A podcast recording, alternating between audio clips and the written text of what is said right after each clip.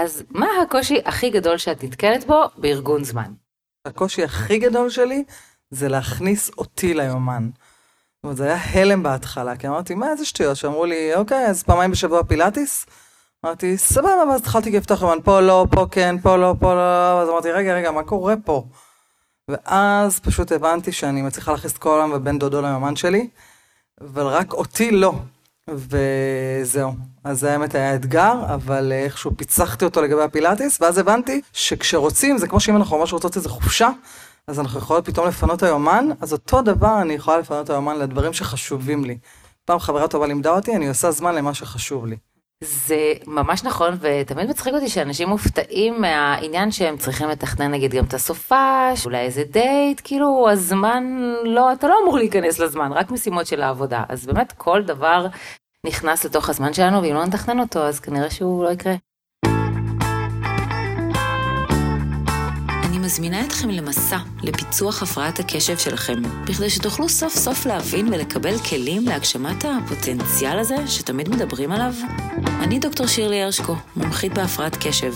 אני מרצה וחוקרת באוניברסיטה העברית, מאבחנת ומטפלת, מדריכת הורים ומנחת סדנאות ארגון זמן, סופרת ובעלת טור בעיתון הארץ, מנהלת קהילת אנשי הקשב בפייסבוק, וגם מגדלת משפחת קשב. הדבר שהכי חשוב לי הוא להעלות את המודעות להפרעת קשב, ולכן יצרתי את הפודקאסט הזה.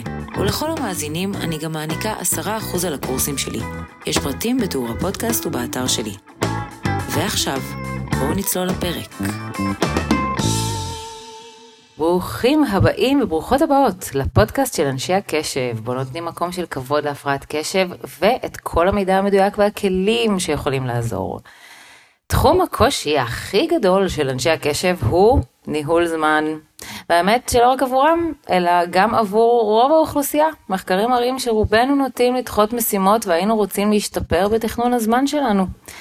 בהפרעת קשב יש לקות בתפקודים הניהוליים, שאחראים על ארגון, תכנון, ויסות, בקרה, אפילו האזור במוח שאחראי על תפיסת הזמן נמצא במחקרי מוח כקטן יותר.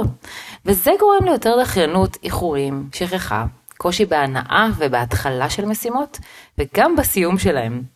אבל החדשות הטובות שיש הרבה מה לעשות. אפשר ללמוד לתכנן את הזמן בצורה שתאפשר גם ליישום של התכנון. כבר 12 שנה שאני מנחת סדנאות ארגון זמן, ותמיד מגיעים אנשים סקפטיים בנושא. אפילו פעם אמר לי מישהו שהוא לא יכול לתכנן את הזמן. בגלל שכל פעם יש לו בלטם אחר, פעם יש לו ילד חולה, פעם האישה שלו מסנג'רת אותו, אבל הסוד בארגון זמן זה שתמיד יש בלטמים וצריך לדעת איך לעבוד איתם ואיך להגמיש את התכנון ככה שהוא יתאים לחיים שלנו. בכל מצב שאנחנו נמצאים בו, בין אם בתקופה עמוסה ולחוצה ובין אם בתקופה של אבטלה או אחרי לידה, בכל, בכל תקופה. כי זמן זה המשאב הכי יקר שיש לנו בחיים, ואם אנחנו לא נדע איך לעבוד איתו, אז אנחנו לא נגיע לדברים שחשובים לנו באמת. וכדי ללמוד איך עושים את זה, אנחנו נדבר על כל זה היום ביחד עם ליאת דביר, שהיא מנטורית שמלווה בעלי עסקים מאותגרי קשב, וגם עברה אצלי את ההשתלמות בהפרעת קשב למטפלים. אז שלום ליאת ותודה שהגעת אלינו. שלום שלום, ברוכה נמצאת ותודה על ההזמנה. איזה נושא חם חם חם. חם אש רותח. ממש. אז אני רוצה שדווקא נתחיל מלשאול לגבייך, איך זה יכול להיות שאת בעצמך אשת קשב ומארגנת אנשים? אה, זהו, את חושפת אותי על ההתחלה? ברור. אז האמת שכן, אה, ממש לא נולדתי כזאת. נולדתי ילדה ש... די בשנים הראשונות, חשבו שאני עצלנית בכלל, ואת יודעת, כמו שאת אומרת, שאצל הבנות זה השקט יותר, פחות מגלים מהר. באמת לימים כשעשו לי אבחון, אבל לא עשו לי אבחון קשב, עשו לי אבחון פסיכואידקטי, ואז מצאו את כל הדיס, דיס זה, דיס זה, דיס זה, כל הדיס דיס קלקוליות למיניהם. אבל מה שכן, אחד הדברים שבאמת היו לי, זה שהייתי מאוד ורבלית. זה תמיד היה ככה, אה, עמד לזכותי, והייתי קוראת המון ספרים. אז לכן העצלנית, כי אם היא קוראת ספרים והיא בבית, סימן שהיא עצלנית. אבל ההתארגנות שלי במרחב, במרחב של החדר, במרחב של בכלל בלאגן. ובתיק שלי מלא ניירת, ובלאגן, ולפעמים הייתי שוכחת אפילו סנדוויצ'ים, ובלאגן, ואני לא רוצה להגיד לך מה קורה כשסנדוויץ', את יודעת, כי אם אני ארכב בתיק, ולקח באמת הרבה זמן, ואני פשוט לאט לאט הבנתי שאני לא רוצה להיות הבן אדם הזה. ממש ככה.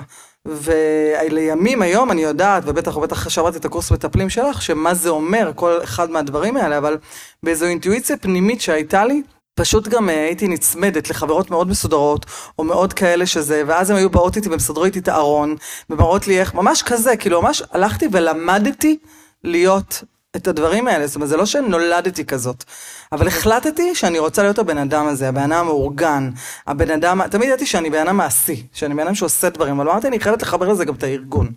באמת, לימים, כשגם התגייסתי לצבא, והייתי מש"קית ת"ש, ואחרי זה קצינת ת"ש, ומי כמוך שגם עשית אותו מסלול, אז נדרשתי, הכל טופסולוגיה, כאילו טפסים, זה כאילו בא לי בהפוכה, טפסים בכל מקום. אז אמרתי לי, את, את חייבת להיות סופר מאורגנת, ואת גם דוגמה לכל החמש מש"קיות שיש לך, את חייבת להיות.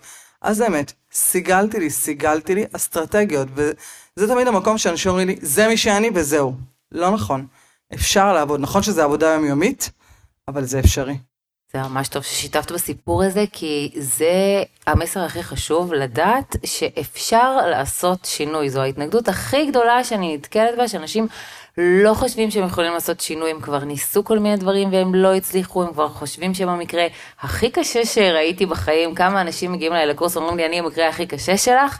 אז באמת הסיפור שלך ממחיש שברגע שלומדים, מקבלים את הכלים, אז אפשר לעשות את זה, אבל אולי יש אנשים שמקשיבים לנו ותוהים, למה, למה זה כזה חשוב ללמוד לארגן? אולי אני יכול להתנהל בלי זה, לזרום עם החיים והכל יהיה בסדר, אז למה לדעתך זה חשוב? אז אני כבר אענה לך על זה, אני רק רוצה לומר במשפט על הדבר הקודם, שאני חושבת שהדבר שעוזר קודם כל בכלל ללמוד ולהבין שזה חשוב, זה לא להאמין לכל דבר שאומרים לך עליך, וגם לא להאמין לעצמך.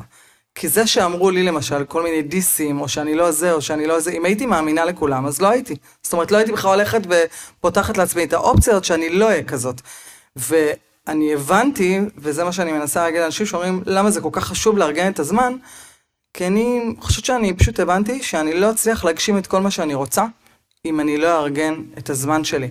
אני לא אצליח גם להיות בצופים באותם ימים, אני לא אצליח גם ללמוד לרקוד, אני לא אצליח גם ללמוד, ואני הייתי צריכה ללמוד יותר מחברים שלי, כי לקח לי יותר זמן ללמוד לכל מבחן, ולבלות עם חברים, והיה לי תמיד חבר, ו... ו... ו... ו... זאת אומרת, אם אני רוצה להספיק את כל הדבר הזה, אז אני חייבת ללמוד לארגן את הזמן שלי. זה משהו שאני הבנתי מהר מאוד. ואז כל הזמן חיפשתי אסטרטגיות שיעזרו לי, ממש כזה, וגם הייתי שואלת אנשים, וקוראת ספרים, ואבא שלי היה איש צבא, אז הייתי שואלת אותו, ורואה איך הוא קם מוקדם בבוקר, ועובר הניירת, ואיך הסדר, כאילו הייתי כל הזמן מתחקה אחרי אנשים, כזה, ממש. אני חושבת שהכי הכי חשוב לנהל זמן, כדי להגשים באמת את מה שאתם רוצים, וזה לא משנה מה זה, זה לא לאו דווקא חייב להיות בעסק, או זה בחיים שלכם, מה אתם רוצים לעשות. אני כל כך מסכימה איתך, זמן זה, מה זה, זה יותר חשוב לנו מכסף. כסף, תכלס, ממש, לגמרי. זה, כי, כי בסופו של דבר, מה שאתה עושה בזמן שלך זה ברור. מי שאתה. ואם אתה יודע לארגן את, ה, את הזמן שלך, אז אתה תגיע לכל הדברים שחשובים לך, ואני גם תמיד אומרת לאנשים שבאים אליי, תשמעו, אתם הגעתם מאיזושהי סיבה, כנראה היה לכם שם איזשהו קושי, הרגשתם לא טוב בחיים, ובגלל זה אתם באים ומדברים איתי, אז נכון. אתם יכולים להבין למה זה חשוב. אבל איך את באמת מורידה התנגדויות לאנשים בכל הנושא הזה? מה, מה את אומרת להם שככה פותח להם את העיניים וגורם להם להוריד התנגדות ולהסכים לעבוד על העניין הזה? תראה, פעמים מגיעים כשכבר אה, אליי ברוב מגיעים בעלי עסקים, אבל מבחינתי זה לא משנה אם זה בעל עסק או אם יש לך קריירה או מה שאתה רוצה להשיג בחיים. והרבה פעמים מגיעים ממקום שכבר לא מאמינים לעצמם. אז קודם כל, אני אומרת להם, אני מחזיקה עבורכם אמונה. בינתיים אני מחזיקה עבורכם, אני אתן לכם אסטרטגיות, ואני מבטיחה לכם שהם יעבדו, כי בואו, אתם לא הראשונים שעושים אותם. וברגע שאני אומרת להם, כאילו, מסירה מהם טיפה אחריות באותו רגע, אומרת להם, רגע, אני יחד איתכם פה מחזיקה את זה, ואז אתם, ומהר מאוד, הם לוקחים את זה אליהם, לוקחים את המושכות. ואני חושבת שאחד הדברים הכי חשובים, זה לפשט. מפני שאם אני מתחילה עם תוכניות חומש, וחמש שנים קדימה, ומה אני אעשה, ומלא מלא מלא רשימות לא הגיוניות, ומלא דברים, וטפסים, ותילי תילים של משימות, זהו, בואי, גם אנשים שהם לא עם קשב, הם מאבדים את זה. לא בא להם, כבר יורד להם כל החשק לעשות את זה כשהם מבינים שזה כרוך בכל כך הרבה דברים. אז הדבר הראשון זה לפשט. הייתי פעם בסדנה שהמשפט שהולך איתי כל הזמן זה, מה שלא פשוט, פשוט לא. וואלה, אם זה לא פשוט, אז הם לא יעשו את הדבר הזה.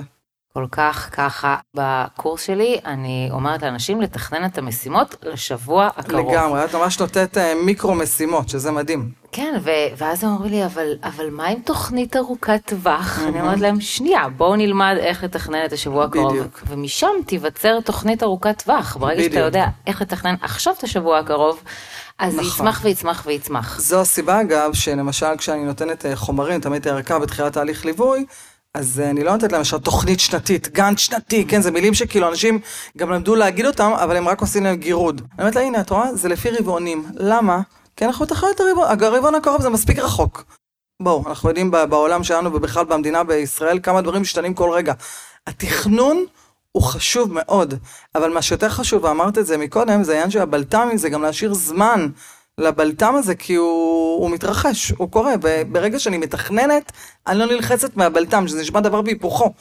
אבל זה בדיוק העניין, כי כשמתוכנן לי הלו"ז, ואם פתאום מקפיצים אותי לבית ספר, אז אני פשוט מודיעה הלקוחה הזאת והזאת, ומזיזה, ומשאירה לי במיוחד גם מרווחים ביומן, שאני יכולה לשחק עם דברים, ואז אין, אין דרמה. לעומת זאת, מי שלא מתוכנן, והוא לא מסודר, והוא לא יודע מה יהיה מחר, מחרתיים, מה יקרה, אז כל מאורע שקורה לו בחיים מוציא אותו מאיזון. התכנון, הוא מרגיע אותנו.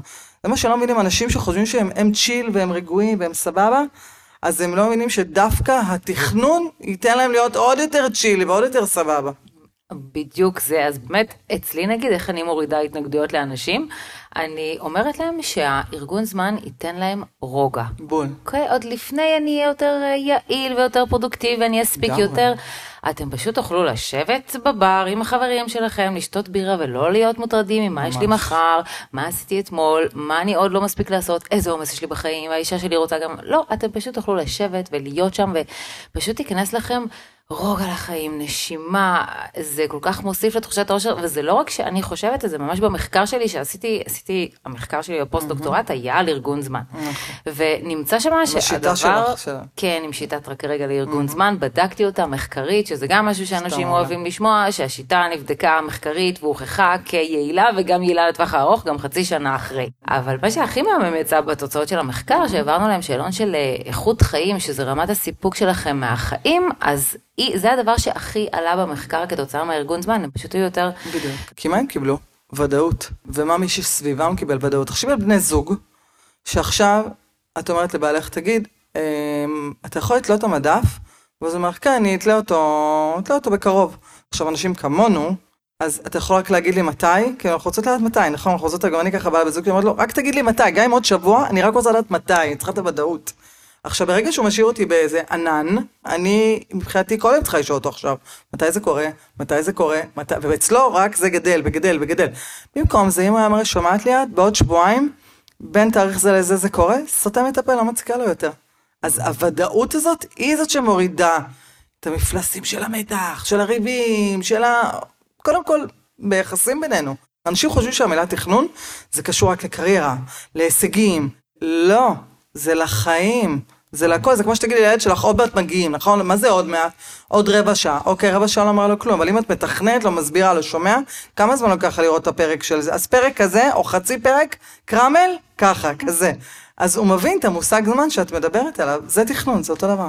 כן, אני רוצה להדגיש את מה שאת אומרת פה על העניין שבעצם הכל צריך להיכנס לתוך הארגון הכל. זמן. גם כדי שזה יקרה, זאת אומרת, אם חשוב לך להיות בול. עם המשפחה שלך, אז תכניס את הזמן משפחה נכון. ליומן, ואם חשוב לי הספורט, אני, אני צריכה להכניס את זה, אבל הנה, איך שאני אומרת את העניין הזה, אם חשוב לי הספורט, אתה צריך להכניס את זה ליומן, אני יודעת מה אתם חושבים, אבל אני תכננתי לעשות את האימון, ועדיין לא עשיתי מה עושים עם הפער הזה שאני יודע איך לתכנן, אבל זה לא יוצא. משפט שיצרתי לפני כמה שנים טובות של עשייה מבוססת כל פחד. כי כל מיני יש לנו, הרי למה אני לא שם את זה בסוף ביומן? בואי, כי אני מפחד לשים את זה ביומן. כי אני מפחד שזה יגזול לי זמן, או, או אני מפחד שזה יבוא על חשבון משהו, או אני מפחד, אלף ואחד, זה אפילו פחדים שאנחנו לא מודעים אליהם, בתת מודע שלנו. ככל שאני מצמצם את המרחק בין מה שאמרתי שאני רוצה, לבין הפעולה, כמו שהרגע הצטלמנו, ואמרת לי, מה, את כבר מעלה את הסטורי? כן. כי מה יודעת מה יהיה אחרי זה? אני ישר, זאת אומרת, מרצון לפעולה. לצמצם את הפער בין לבין, כי הפער בין לבין לבין, שם נכנסים כל הפחדים, ושם נכנס האין לי זמן, ושם נכנסות המחשבות, הרי מה את אומרת, נכון? עד, אה, עד חמש שניות, נכון? אפילו פחות, לספור. לא עשית? טאק. זה כבר, לרוב המקרים זה לא יקרה. ולא כי אתה בן אדם רע, לא כי אתה עצלן, לא כי אתה אחד שלא רוצה לעשות, אתה תעשה דברים אחרים. אז זה עניין של החלטה, ובאותו רגע ליישם אותה. זהו, אין, אין טכניקה אחרת, אין לי איזה משעט קסם כזאת אה, להגיד. אז אני באמת רוצה לדבר על העניין הזה של המוטיבציה. הרבה אנשים אומרים לי, אבל אין לי מוטיבציה, ואז הם מתחילים לנטוע את זה בכל מיני דברים רגשיים. אני אומרת להם, תקשיבו, זה לא עניין רגשי, אין דבר כזה מוטיבציה. למה שתהיה לי מוטיבציה לעשות ספורט? אני עושה ספורט 20 שנה, אבל לעולם אין לי מוטיבציה לעשות ספורט. מה שנותן לי מוטיבציה במרכאות, זה שזה כתוב ביומן, ואני יודעת שאם אני לא אעשה את זה בשני ורביעי בשבע, אז או שאני לא אעשה את זה, או שיילקח לי כסף ככה מהמכון אה, כושר שלי.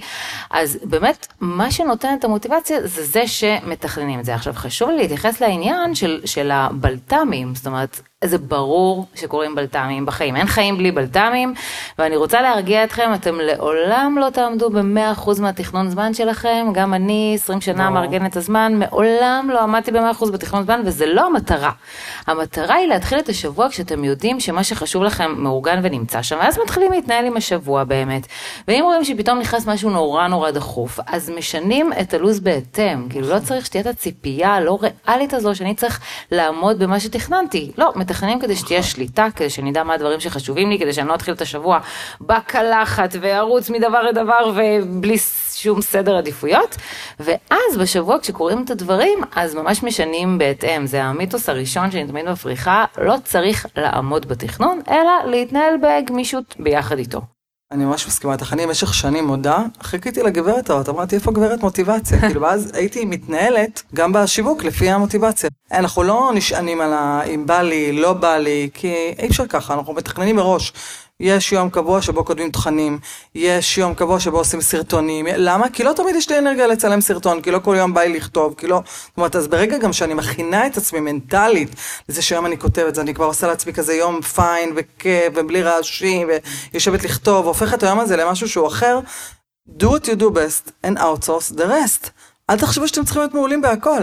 קחו לכם מישהו אחר לכל דבר אחר בחיים שלכם שאתם רוצים להתקדם בו, ואתם רוצים לעשות אותו ואתם לא מספיק טובים בו, קחו אנשים חיצוניים לכם, זה גם דבר שבעיניי הוא חלק ממה שמקדם לנו גם את התכנון של החיים שלנו. הרי תכנון זמן זה תכנון חיים. ממש ככה, אני רוצה להרחיב על העניין הזה שאני קוראת לו שינוי הסביבה. אצלי הוא מחולק לשלושה דברים, והראשון זה באמת גורם חיצוני, כן. להתחייב למישהו חיצוני.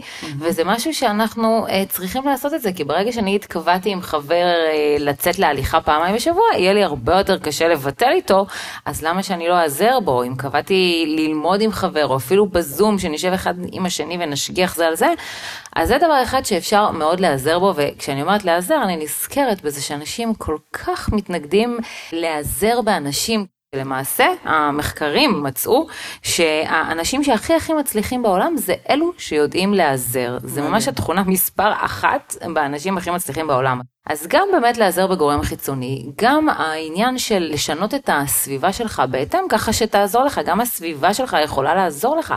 אז אם למשל אתה לא מצליח ללמוד מהבית, ואז מה אתה עושה? אתה מלכה את עצמך על כמה שאתה עצלן וחסר מוטיבציה, כי אתה לא לומד נכון. בבית.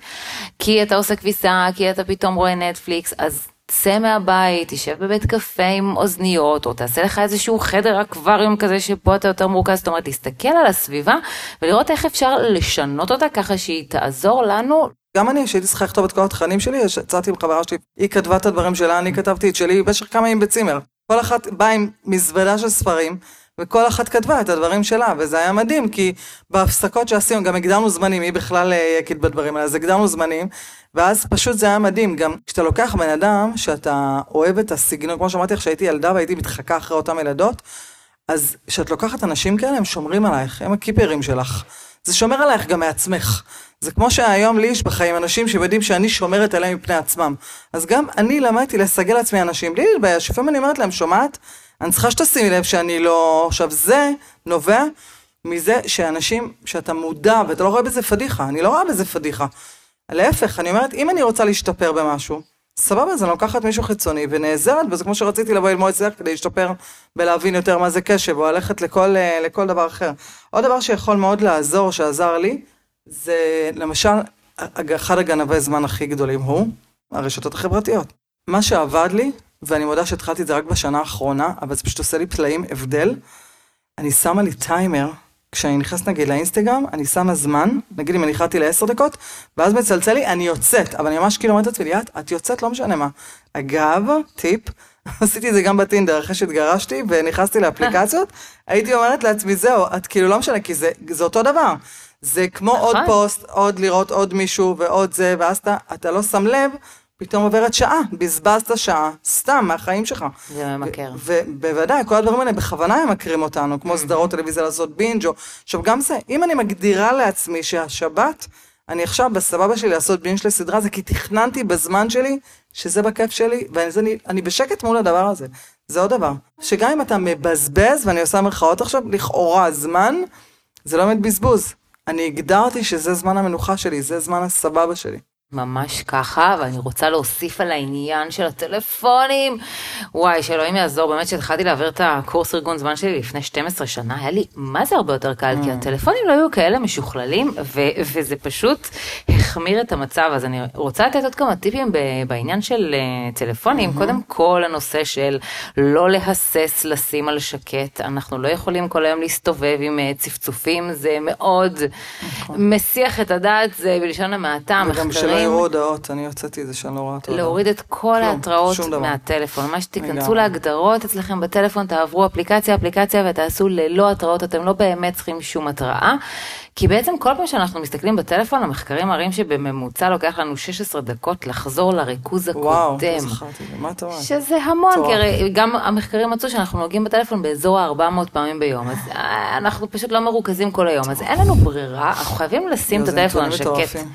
ממש מטורפים, וגם זה שזה פוגע בשינה, ופוגע בקשרים חברתיים, ופוגע ברמת אז האושר. את ממליצה ממש לשים את הטלפון בצד גם? אה, כאילו, ממש- בצד כן, כי א', אנשים כבר כל כך מכורים, שגם אם הטלפון על שקט, אני כל הזמן אסתכל בו לראות זהו, מה כי אנשי קשב זה עוד יותר, כאילו, אני אומרת, אם 400 זה אדם ממוצע, כן, פי שתיים כנראה, כאילו, 800. זה מטורף.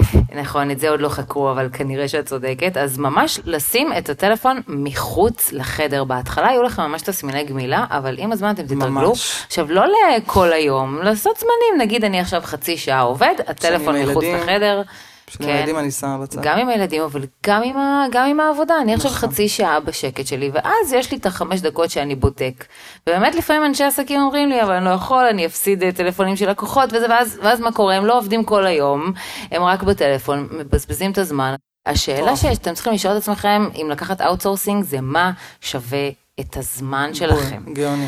האם הזמן שלכם שווה שעכשיו תדברו עם כל לקוח ולקוח ולא תתכנו את העסק או, ת- או תעלו וואי, זה חומרים? כזה סלוגן, מה שווה את הזמן שלכם? זה כאילו שאלה בדיוק. שצריכה להדהד, מה כן, שווה את הזמן אותה. שלכם? מה שווה את זה. הזמן שלכם? ממש. ותהיו יצירתיים בפתרונות שלכם, תשאלו את עצמכם גם מי יכול לעזור לי בזה? מי, מי יכול? לפעמים העזרה היא, היא, היא פה, היא אפילו לא עולה כסף, או שהיא עולה סכום מאוד פעוט, או אפילו לבקש מאימא שתכין לי קופסאות אוכל, יכול לחסוך לי מלא זמן של... או בנות צעירות שבאות מקבלות כביסה, הבנתי בכל מיני יישובים עושים את זה, או כל מיני דברים כן. שבאמת יכולים לצמצם לנו, זה מדהים. כן, גם אני הרבה פעמים מדברת בפודקאסט על מקפלת הכביסה שלי שמינתה לי מלא זמן. תיכוניסטית, רוצה איזה 50 שקל בשבוע, אז אה, גם כיף לי לתת לה את זה. באמת. חמש שנים לא, לא קיבלתי כביסה, וזה לא, לא מפריע לאף אחד.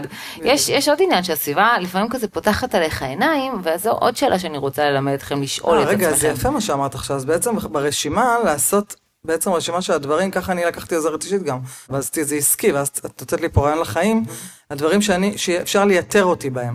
כאילו מה must have, עכשיו להיות עם הילד שלי, לדבר איתו, ללמד אותו מבחן, לדבר, זה אני. אבל לבשל, או לכבס, או כל מיני דברים אחרים, אז אפשר לייתר אותי שם במקומות האלה, וזה באמת מדהים. זה בדיוק מה שאני חשבתי. מה שווה את הזמן שלי? עכשיו שעה שאני אקפל את הכביסה, או דברים בעסק, או להיות עם הבנות שלי. וכשאנשים מסתכלים עליכם בעין עקומה, אז תשאלו את עצמכם את השאלה הבאה, מה בתכלס הבאה? כי כמובן שכולם יסתכלו עליי בעין עקומה שאני לא מקפלת כביסה, זה דבר עוד חדש, לדעתי עוד כמה שנים כבר כולם יעשו את זה. אני חושב שזה לא העין העקומה לזה, אלא זה, לא העין העקומה כמו עין, עין מקנה. שהם גם היו רוצים, להר... הרבה, באמת, הרבה פעם כן, אנשים היו רוצים. להרשות לעצמם לעשות דברים, הם לא מעיזים, כי איך זה ייראה ואיך זה זה. אבל ברגע שאני חושבת שהרבה, את יודעת מה, פתאום מבריק לי, שתכנון זמן זה גם נאמנות לעצמנו. כי אם אני היום הלכתי בשעות פילאטיס, זה כי אני נאמנה לעצמי. ואם לא הייתי עושה את זה, אז, וברור, ויש לי מיליון ואחת משימות ודברים, כשאנשים באים אומרים לי, אין לי זמן, אין, בוא תראה את הלו"ז שלי, אני על דקות. שבאמת אני על דקות, אמא שתמיד צוחקת איתי, אבל היא לימדה אותי להיות כזאת, אבל שבאמת, כאילו, הכל אצלי, מעכשיו יש לי זה, מעשר, אני יודעת מה קורה איתי עד שאני ישנה. עכשיו, יש אנשים שזה יכולים להגיד, מה, את רובוט? איך את יכולה להתנהל ככה? איך אתה, אתה, אתה, אתה, אתה? אני אומרת, לא, זה בכלל לא, להפך. זה מרגיע אותי שאני יודעת מה קורה איתי. בואי נדבר על איך אפשר לבנות הרגלים. אני עכשיו רוצה להכניס לעצמי הרגל, לעשות ספורט, או לאכול יותר בריא, או לקרוא ספרים, או כל דבר אחר. איך אני יכולה לבנות לי הרגל כזה? פשוט לעשות, באמת. זה מתקשר לעשייה מבוסס כל פחד. אני למדתי לא לשאול את עצמי. לא לשאול את עצמי שאלות, פשוט לעשות. מה שנקרא, אחרי המעשים, יימשכו הלבבות. וזה בדיוק ככה, כאילו, אני עושה, ואז לאט לאט אני מתאהבת בזה, ואז אני עושה ספורט, ואני לא סובלת לעשות ספורט אישית. ואז אני עושה, ואחרי אימון אני אומרת, וואי, חייל, איזה כיף, כאילו, וואי, ואיך הגוף שלי מתחיל את זה, ואיך אני מרגישה טועה עם זה, כזה. ממש ככה, ואני רוצה באמת להמשיך את דברייך ולהגיד שכדי לפתח הרגל, איזושהי פעולה שחוזרת על עצמה, אז אנחנו צריכים לשים לב שיש לנו סימן ושיש לנו תגמול, זה שני דברים, בהתחלה סימן, תגמול בסוף. זאת אומרת, איזשהו סימן שבמקום שאני צריך עכשיו לחשוב מתי אני עושה את זה, לחפש את המוטיבציה, אולי, אולי מתחשק לי בצהריים לצאת לריצה, אולי בערב, יש לי את הסימן הקבוע, נגיד כל יום בשבע בערב, או נגיד כל יום אחרי ארוחת בוקר, או נגיד כל יום שלישי, איזשהו סימן, בדיוק כמו שמצחצחים שיניים, בעצם מצלצל השעון בבוקר, הוא נותן לי סימן לקום ולצחצח שיניים, אני לא חושבת על זה כל יום, אז הסימן זה דבר ראשון. ודבר שני זה התגמול. אחרי הפעולה שאני עושה, שאני רוצה להפוך להרגל, אני חייבת איזשהו תגמול. אז את אמרת שאת מרגישה טוב עם הגוף שלך, זה מפריש דופמין, אולי זה התגמול. אבל אפשר גם איזשהו תגמול חיצוני, נגיד, אני תמיד קובעת אה, דייט עם חברה אחרי האימון ספינינג שלי. וואו, איזה תגמול זה נותן לי, ובכלל כל אחד וה, והתגמול שלו. לגמרי. אני חושבת שזה כמו איזשהו רפלקס, שאם אני יודעת שכל יום שלישי בשעה וחצי הבוקר יש לי פילאטיס, וביום ראשון בשלוש, אז זהו, זה פשוט שם, אני לא שואל לעצמי שאלה, זה ביומן, אני כבר מראש... גם מתארגנת לדבר הזה ולא שואלת שאלות, וזה ממוסס הרבה מהעניין הזה של אני אלך, אני לא אלך, מתי בא לי, לא בא לי, ובאמת להצמיד את זה לדברים האלה זה מדהים. זה יפה שאמרת רפלקס, כי זה בדיוק באמת מוחי. המוח שלנו, שהוא מזהה פעולה שחוזרת על עצמה ומתגמלת אותו, mm-hmm. הוא ממש בונה מערכת עצבית במוח מדהים. עבור הפעולה הזאת, ואז באמת הרבה יותר קל לנו לבצע אותה. זאת אומרת שזה גם כימי ממש. כאילו, ממש כאילו כימי, מדהים. ולא רק זה, 48% מהפעולות שלנו הן כאלה. הן הרגלים, המוח בנה כבר איזשהו מסלול כדי שיעשה, יהיה לו יותר אז קל. אז אולי חד וחלק, הנה עכשיו את תסביר את זה, שתמיד אומרים, לוקח כך וכך, נגיד 20-21 יום להרגלים. אז את אומרת בעצם שזה לא רק בגלל שזה הרפלקס האוטומטי הזה, העוגן הזה שאני יוצרת, אלא שזה מגובה ממש בכימיה של הגוף שלי, שהגוף שלי גם מעודד אותי לזה ש... יאללה, את במקום טוב, תמשיכי, אז אני גם נותן לך את הבוסט הזה. שבעצם תמשיכי ככה בדיוק, זה הזמן שלוקח למוח לפתח את הרשת העצבית הזו. אז... אז זו הסיבה שאומרים לכם שלוקח 21 יום, זה לא סתם שתמיד אומרים לנו. בין 20 ל-60 כן, יום. כן, 20 ל-60 יום, תלוי לאיזה לאיזה הרגל ובאיזה נכון. שלב אנחנו בחיים, נכון? וכל הזה, אוקיי. ממש ככה. עכשיו, באמת, עוד דבר שאני רוצה להגיד בהקשר של הרגלים, זה לתכנן דברים שהם ריאליים אליכם, ממש. וגם רצוי כמה שיותר קטנים. ממש להתחיל ממשהו קטן. ברגע שאנחנו הופכים את זה ל... אני ממש אומרת, יש לי עיקרון הקסם זה נקרא, שזה משימות צריכות להיות קונקרטיות, זה ראשי תיבות קסם, המשימות צריכות להיות קונקרטיות, ספציפיות ומדידות בזמן. כאילו מאוד מאוד מדויקות. אני לא רושם לעצמי עכשיו ללמוד למבחן, אלא אני רושם לעשות תרגיל אחד בפיזיקה. ורצוי, רצוי, רצוי שהמשימות ייקחו בין שעה לשעתיים, לא יותר, לא לתכנן משימה של אה, שמונה שעות, אלא אם כן אנשי הקשב, יש להם את ההיפר פוקוס שלהם במקומות שהם אוהבים, והם נכון. יכולים להיכנס לפלואו, מעולה. זה גם הפרפקציוניזם פוגש אותם שם. בואי נדבר על פרפקציוניזם. זה בדיוק, כשתמיד אומרים על אנשי קשב, יש איזו תפיסה לא נכונה. שהם מעופפים והם לא עושים חצאי דברים, לא נכון, הם יכולים, כמו שאת לימדת אותנו, את ההיפר פוקוס, שזה מושג באמת שלמדתי ממך, שהם יכולים להיות over, ואז הבנתי גם למה הבן שלי יכול להיות 100 שנה על לתכנת עכשיו באיזה תוכנה, אבל בלימודים בכיתה הוא התחיל להסתובב. נכון. אוקיי? כי שם יש לו את ה hyper focus, התכנות הוא אוהב את ה Scratch, את הזה, או כמו שהוא אוהב לגו כשהוא היה יותר קטן, אז, אז זה שם. ובעצם באמת המקום הזה, של הפרפקציוניזם, אני רואה אנשים שיכולים להיתקע על פוסט, שבוע, אני אומרת לה, הנה על העולם, כבר יכולת לכתוב מאמרים, יכולת כבר מדריכים, יכול... על פוסט, כאילו, ואני מלמדת אותם איך באמת לשחרר את המקום הזה, ולא הכל צריך להיות כל הזמן מעולה. זה ממש קשה לאנשי קשב. בעצם הפרפקציוניזם בהפרעת קשב ספציפית הוא נולד מהמקום שככה יודעים שהם יותר מפשלים, עושים טעויות קטנות, mm. אז הם כל הזמן פיצוי כאילו? בודקים את עצמם, oh, כן. Okay. אוקיי. ועכשיו, מה שמעודד כאן שפרפקציוניזם זאת לא תכונה, זה לא שנולדים איתה והיא עוברת גנטית, היא נורא סביבתית, בגלל זה גם בהפרעת קשב יותר mm. מפתחים אותה, כי אם אני יודע שאני מפשל אז אני אבדוק את עצמי יותר ואז אני נכנס לפרפקציוניזם. פרפקציוניזם wow. אפשר לשנות, אתה לא נולדת עם זה, אתה יכול לעשות עבודה התנהגותית ולשנות לשנות את זה, ואפילו בזמן מאוד קצר, כל הטיפול ההתנהגותי שאני כל הזמן מדברת עליו, שזו גם השיטה שאני עובדת איתה, זה יכול בהחלט לשנות אופקציוניזם, ולמה, לפעמים שואלים אותי, אבל למה, למה לשנות את זה? זו תכונה טובה. אז אני רוצה להגיד לכם חד משמעית שלא, בשנות האלפיים זה לא מסייע עם כל המשימות ועם כל העומס שיש לנו, זה לא טוב שיש לכם אופקציוניזם, כי בעצם אתם נתקעים באיזשהו מקום גמרי. ולא ממשיכים הלאה, ואז הדברים הם לא זזים. ולכן, ממש. בהקשר הזה אני תמיד מלמדת את מודל פרטו, נכון. ה-80-20, 20. פשוט לנסות לעשות את המשימות ולעבוד על זה, נכון. מפעם לפעם זה משתכלל, ברמה של ה-80% ולשלוח. מה שמדהים זה שהמחקרים על דחיינות אומרים שהסיבה מספר אחת לדחיינות זה שהמשימה נראית לי קשה. וברגע שאני מפרק אותה, אז היא כבר נראית לי פחות קשה, או ברגע שאני נעזר, היא נראית לי פחות קשה. ועוד דבר מדהים, שביצוע משימה מפריש דופמין. אז ככל שאני, אז זה עוד משימה, עוד משימה. זה וי, וי, וי, וי, וי, דופמין, דופמין, דופמין. ודופמין זה גם הורמון ההנאה, זה גם עוזר לי להמשיך ולבצע. זאת אומרת, גם ברגע שאני פותחת מסמך וורד וכותבת כותרת, תיק מתחיל להיות מופרש דופמין, והוא עוזר לי להמשיך ולעשות את אותה הפעולה. נראה לי שנתנו פה המון כלים ומוטיבציה, מה שנקרא, לארגן את הזמן. אני אגיד רק דבר אחרון, שאני חושבת שזה באמת, הכל מתחיל מזה שתאמינו שאתם יכולים להשתנות. ממש. שזה לא עכשיו לעולמים, דיראון עולם, זהו, אם אני ככה, אז אני תמיד צריך להיות ככה. אתם יכולים לשנות את הדפוסים שלכם, את ההרגלים שלכם, ו- ומשם באמת את הדברים שאתם רוצים לעצמכם. חד משמעית, ואנחנו רואות את זה כל יום, כל זה לא יום. לא ככה דיבור בערפל. כל יום אנחנו רואות מהפכים. ממש.